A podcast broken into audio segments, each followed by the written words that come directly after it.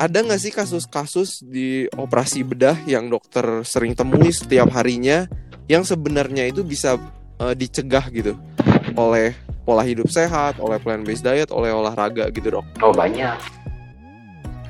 Pertama itu hemoroid atau orang-orang awam bilang kemudian ya, lasir ya. Ada juga berbagai macam cancer ya, colon cancer, breast cancer, prostat cancer.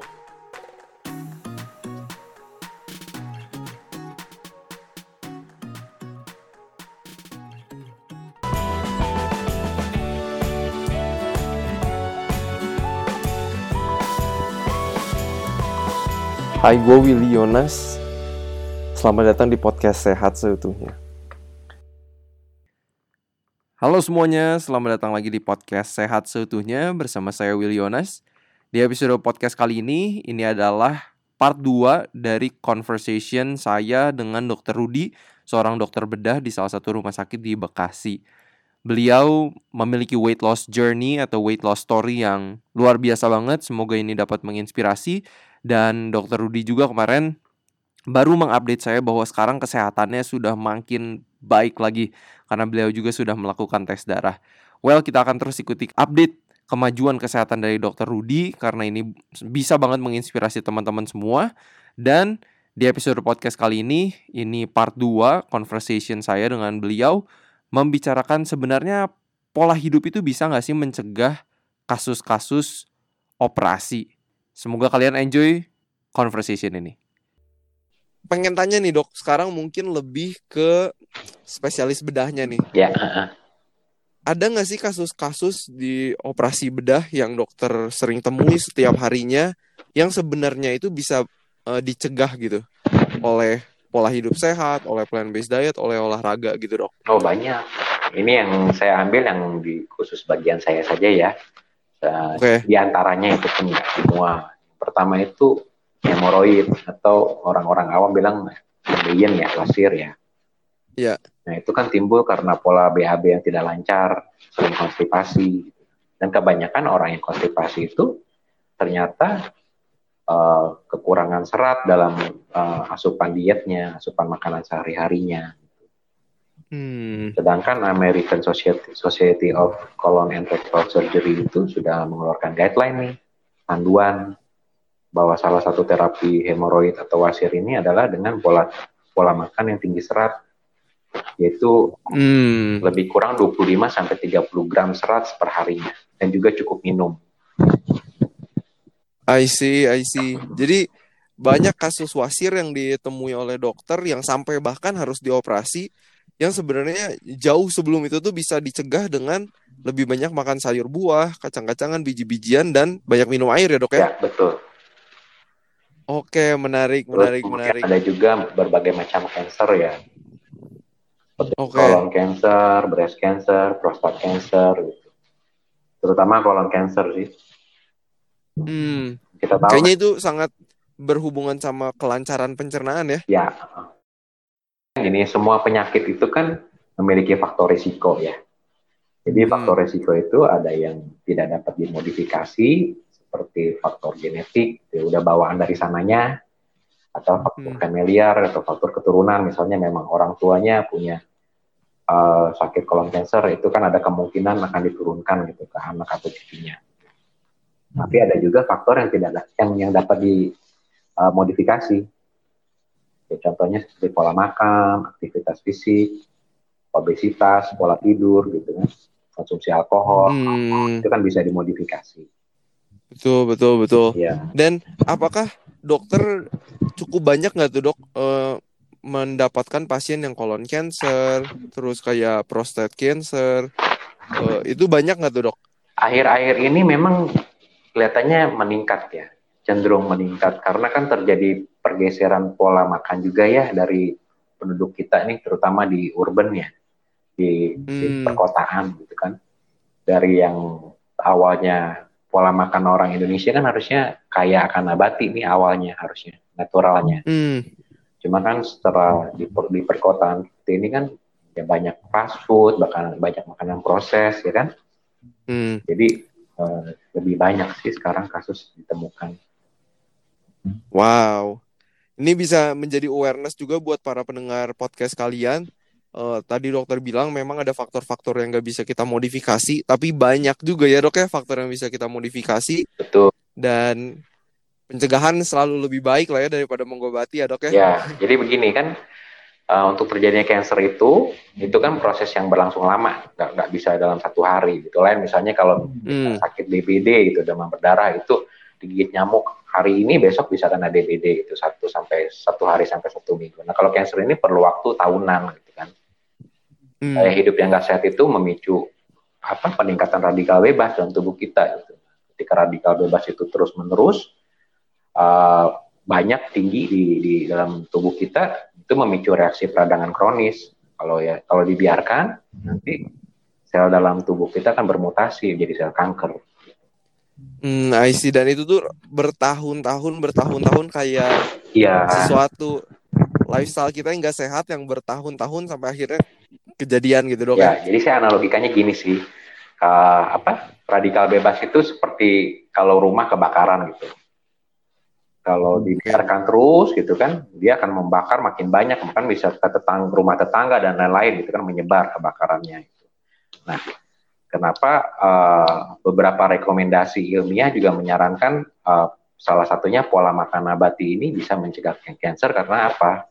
Di, di plant-based diet ini banyak vitamin dan antioksidan gitu. Jadi, nah vitamin dan antioksidan ini yang fungsinya mengikat radikal bebas. Jadi seperti pemadam kebakarannya gitu, Will.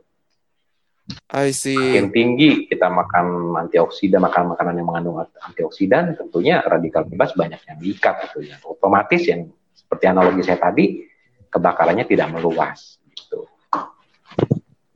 Nice, nice. Semoga ini ilustrasinya, analoginya itu, ini gampang banget dimengerti gitu harusnya ya dok ya? Ya. Kayak kalau kita lebih banyak makan makanan nabati, pasukan pemadam kebakaran kita lebih banyak gitu ya. ya. Betul.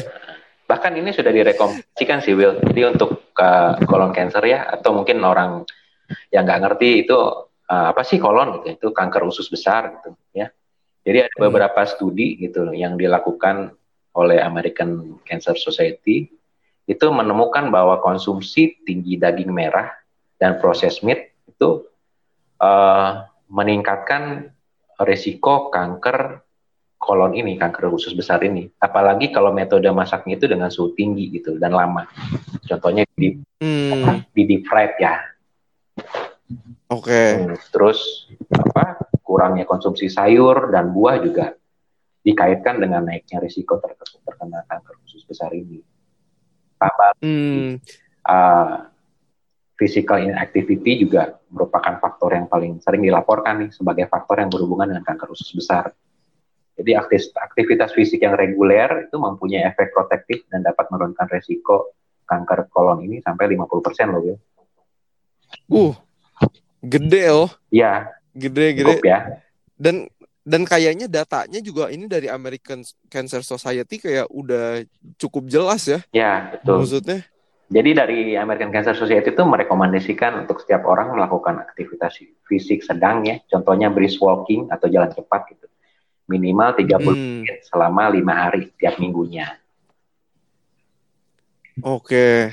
Nah ini ini satu poin yang penting juga buat teman-teman karena aku suka ketemu juga dok sama orang-orang yang udah transisi nih ke plant based diet tapi olahraganya tuh belum mulai gitu. Ya. Jadi kayak harusnya kalau bisa dua-duanya kenapa enggak gitu kan? Karena benefitnya juga lebih banyak. Hmm, betul.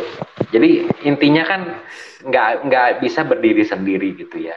Kita cuma hmm. mengandalkan makanan aja gitu. Sedangkan aktivitas fisiknya yang kurang itu juga nggak bisa. Kan gaya hidup sehat itu juga ada banyak berbagai macam komponennya ya. Hmm. dilakukan semua. Betul betul. Benar benar benar. Menarik dok. Selain wasir dan selain uh, kanker usus besar atau kanker yang lain juga yang tadi dokter sebutkan ada lagi nggak dok kasus-kasus yang banyak dokter temui dok? Ya, yang pasti sih diabetes ya. Kan diabetes itu kalau sudah komplikasi itu bisa menimbulkan luka kan, luka yang lama sembuh tuh di kaki hmm. contohnya gitu ya. Itu kan kalau ada luka di kaki pasti dari dokter spesialis penyakit dalam konsul ke bedah gitu untuk penanganannya. I see, I see. Dan cukup banyak juga nggak tuh dok yang dokter temui apakah kayak yang diamputasi Oh iya, banyak. Kalau yang nah masalahnya kan penyakit-penyakit uh, yang tidak menular ini kan yang seperti saya jelaskan tadi itu berlangsungnya lama kan. Ya. Hmm. Jadi kadang pasien-pasien datang sudah dalam kondisi yang uh, stadium penyakitnya sudah lanjut begitu. I see. Dan akhirnya baru ke dokter gitu. Betul. Nah ini ini aku tuh ngelihat banget perbedaannya pas aku di US aku melihat orang-orang itu punya kesadaran untuk cek ke dokter secara rutin dan kadang kalau yang aku masih lihat kayak di sini masih banyaknya kalau kita sakit udah simptomnya udah parah baru akhirnya baru pergi ke dokter Betul. Gitu. sakit dan ringan minum jadi telat kan. dulu gitu kan. Kalau sakit kan minum obat minum obat warung dulu udah parah baru. Bener bener. Dan alangkah lebih baiknya sebenarnya kalau kayak dokter bisa uh, menemukan kasusnya di fase atau stadium yang lebih awal ya dok ya? Betul. Kayak cancer itu kan semakin awal terdeteksi harapan hidupnya lebih tinggi. Hmm. Betul betul betul. Jadi ini buat para pendengar podcast kalian jangan uh, tunda-tunda gitu untuk cek ke dokter secara rutin juga karena ini juga penting. Ini juga penting banget. Dan pastinya kalau kayak diabetes kebetulan aku juga sekarang lagi menjalankan uh, reversing diabetes program di Rumah Sakit Advent di Bandung. Dan menarik banget sih dok kayak orang-orang celananya udah pada longgar-longgar semua. Yeah, yeah. dosis insulinnya sudah pada berkurang dosis obatnya berkurang. Jadi kayak wow keren banget sih. Yeah. ketika plant based diet dan olahraga itu dikombinasi gitu keren. Keren banget. Yang pasti Dan pasien juga selain ya ada perubahan ya pasti pasti banget. Jadi dokter penyakit dalamnya pun seneng banget gitu kan karena wow akhirnya berhasil. ada pasien yang berhasil juga gitu. Ya memang karena kayaknya bisa lihat pasien bisa sehat lagi. Kayaknya bisa frustasi juga dok ya. Maksudnya kalau kita ngelihat pasien tuh kondisinya makin buruk terus gitu. Betul. Bukannya membaik. Betul pasti. Dokternya pasti ikut kepikiran juga di rumah. Benar-benar. Wow, wow. Ada lagi nggak dok selain diabetes kasus-kasus yang ditemukan? Ya kalau yang bedah itu ya, cuma kalau yang lain kan banyak tuh kayak jantung koroner. Jadi sebenarnya kasus yang lain banyak ya penyakit tidak menular yang uh, menjadi beban kesehatan ya. di Indonesia juga. Ada stroke, ada koron jantung koroner. Dan ini erat banget kayaknya sama uh, pola hidup. Erat erat banget.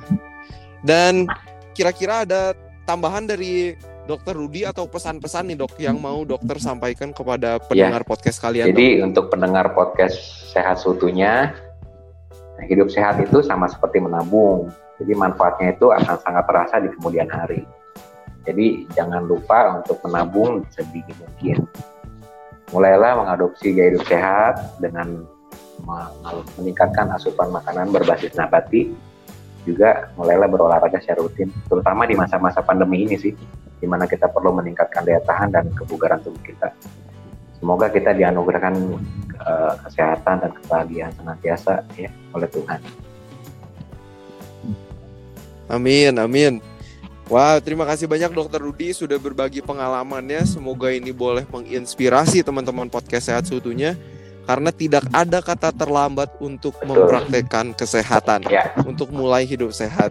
Jadi nanti Dokter Rudi pasti kita undang lagi di episode episode selanjutnya. Kayaknya seru juga kalau ngomongin kasus-kasus bedah yang yang lebih seru gitu dok, yang lebih apa ya, lebih dalam ya, lah gitu kita kupas. Senang gitu. hati dengan senang hati. Seru-seru banget. Kalau begitu, saya mengundur diri. Saya Willy Yonas.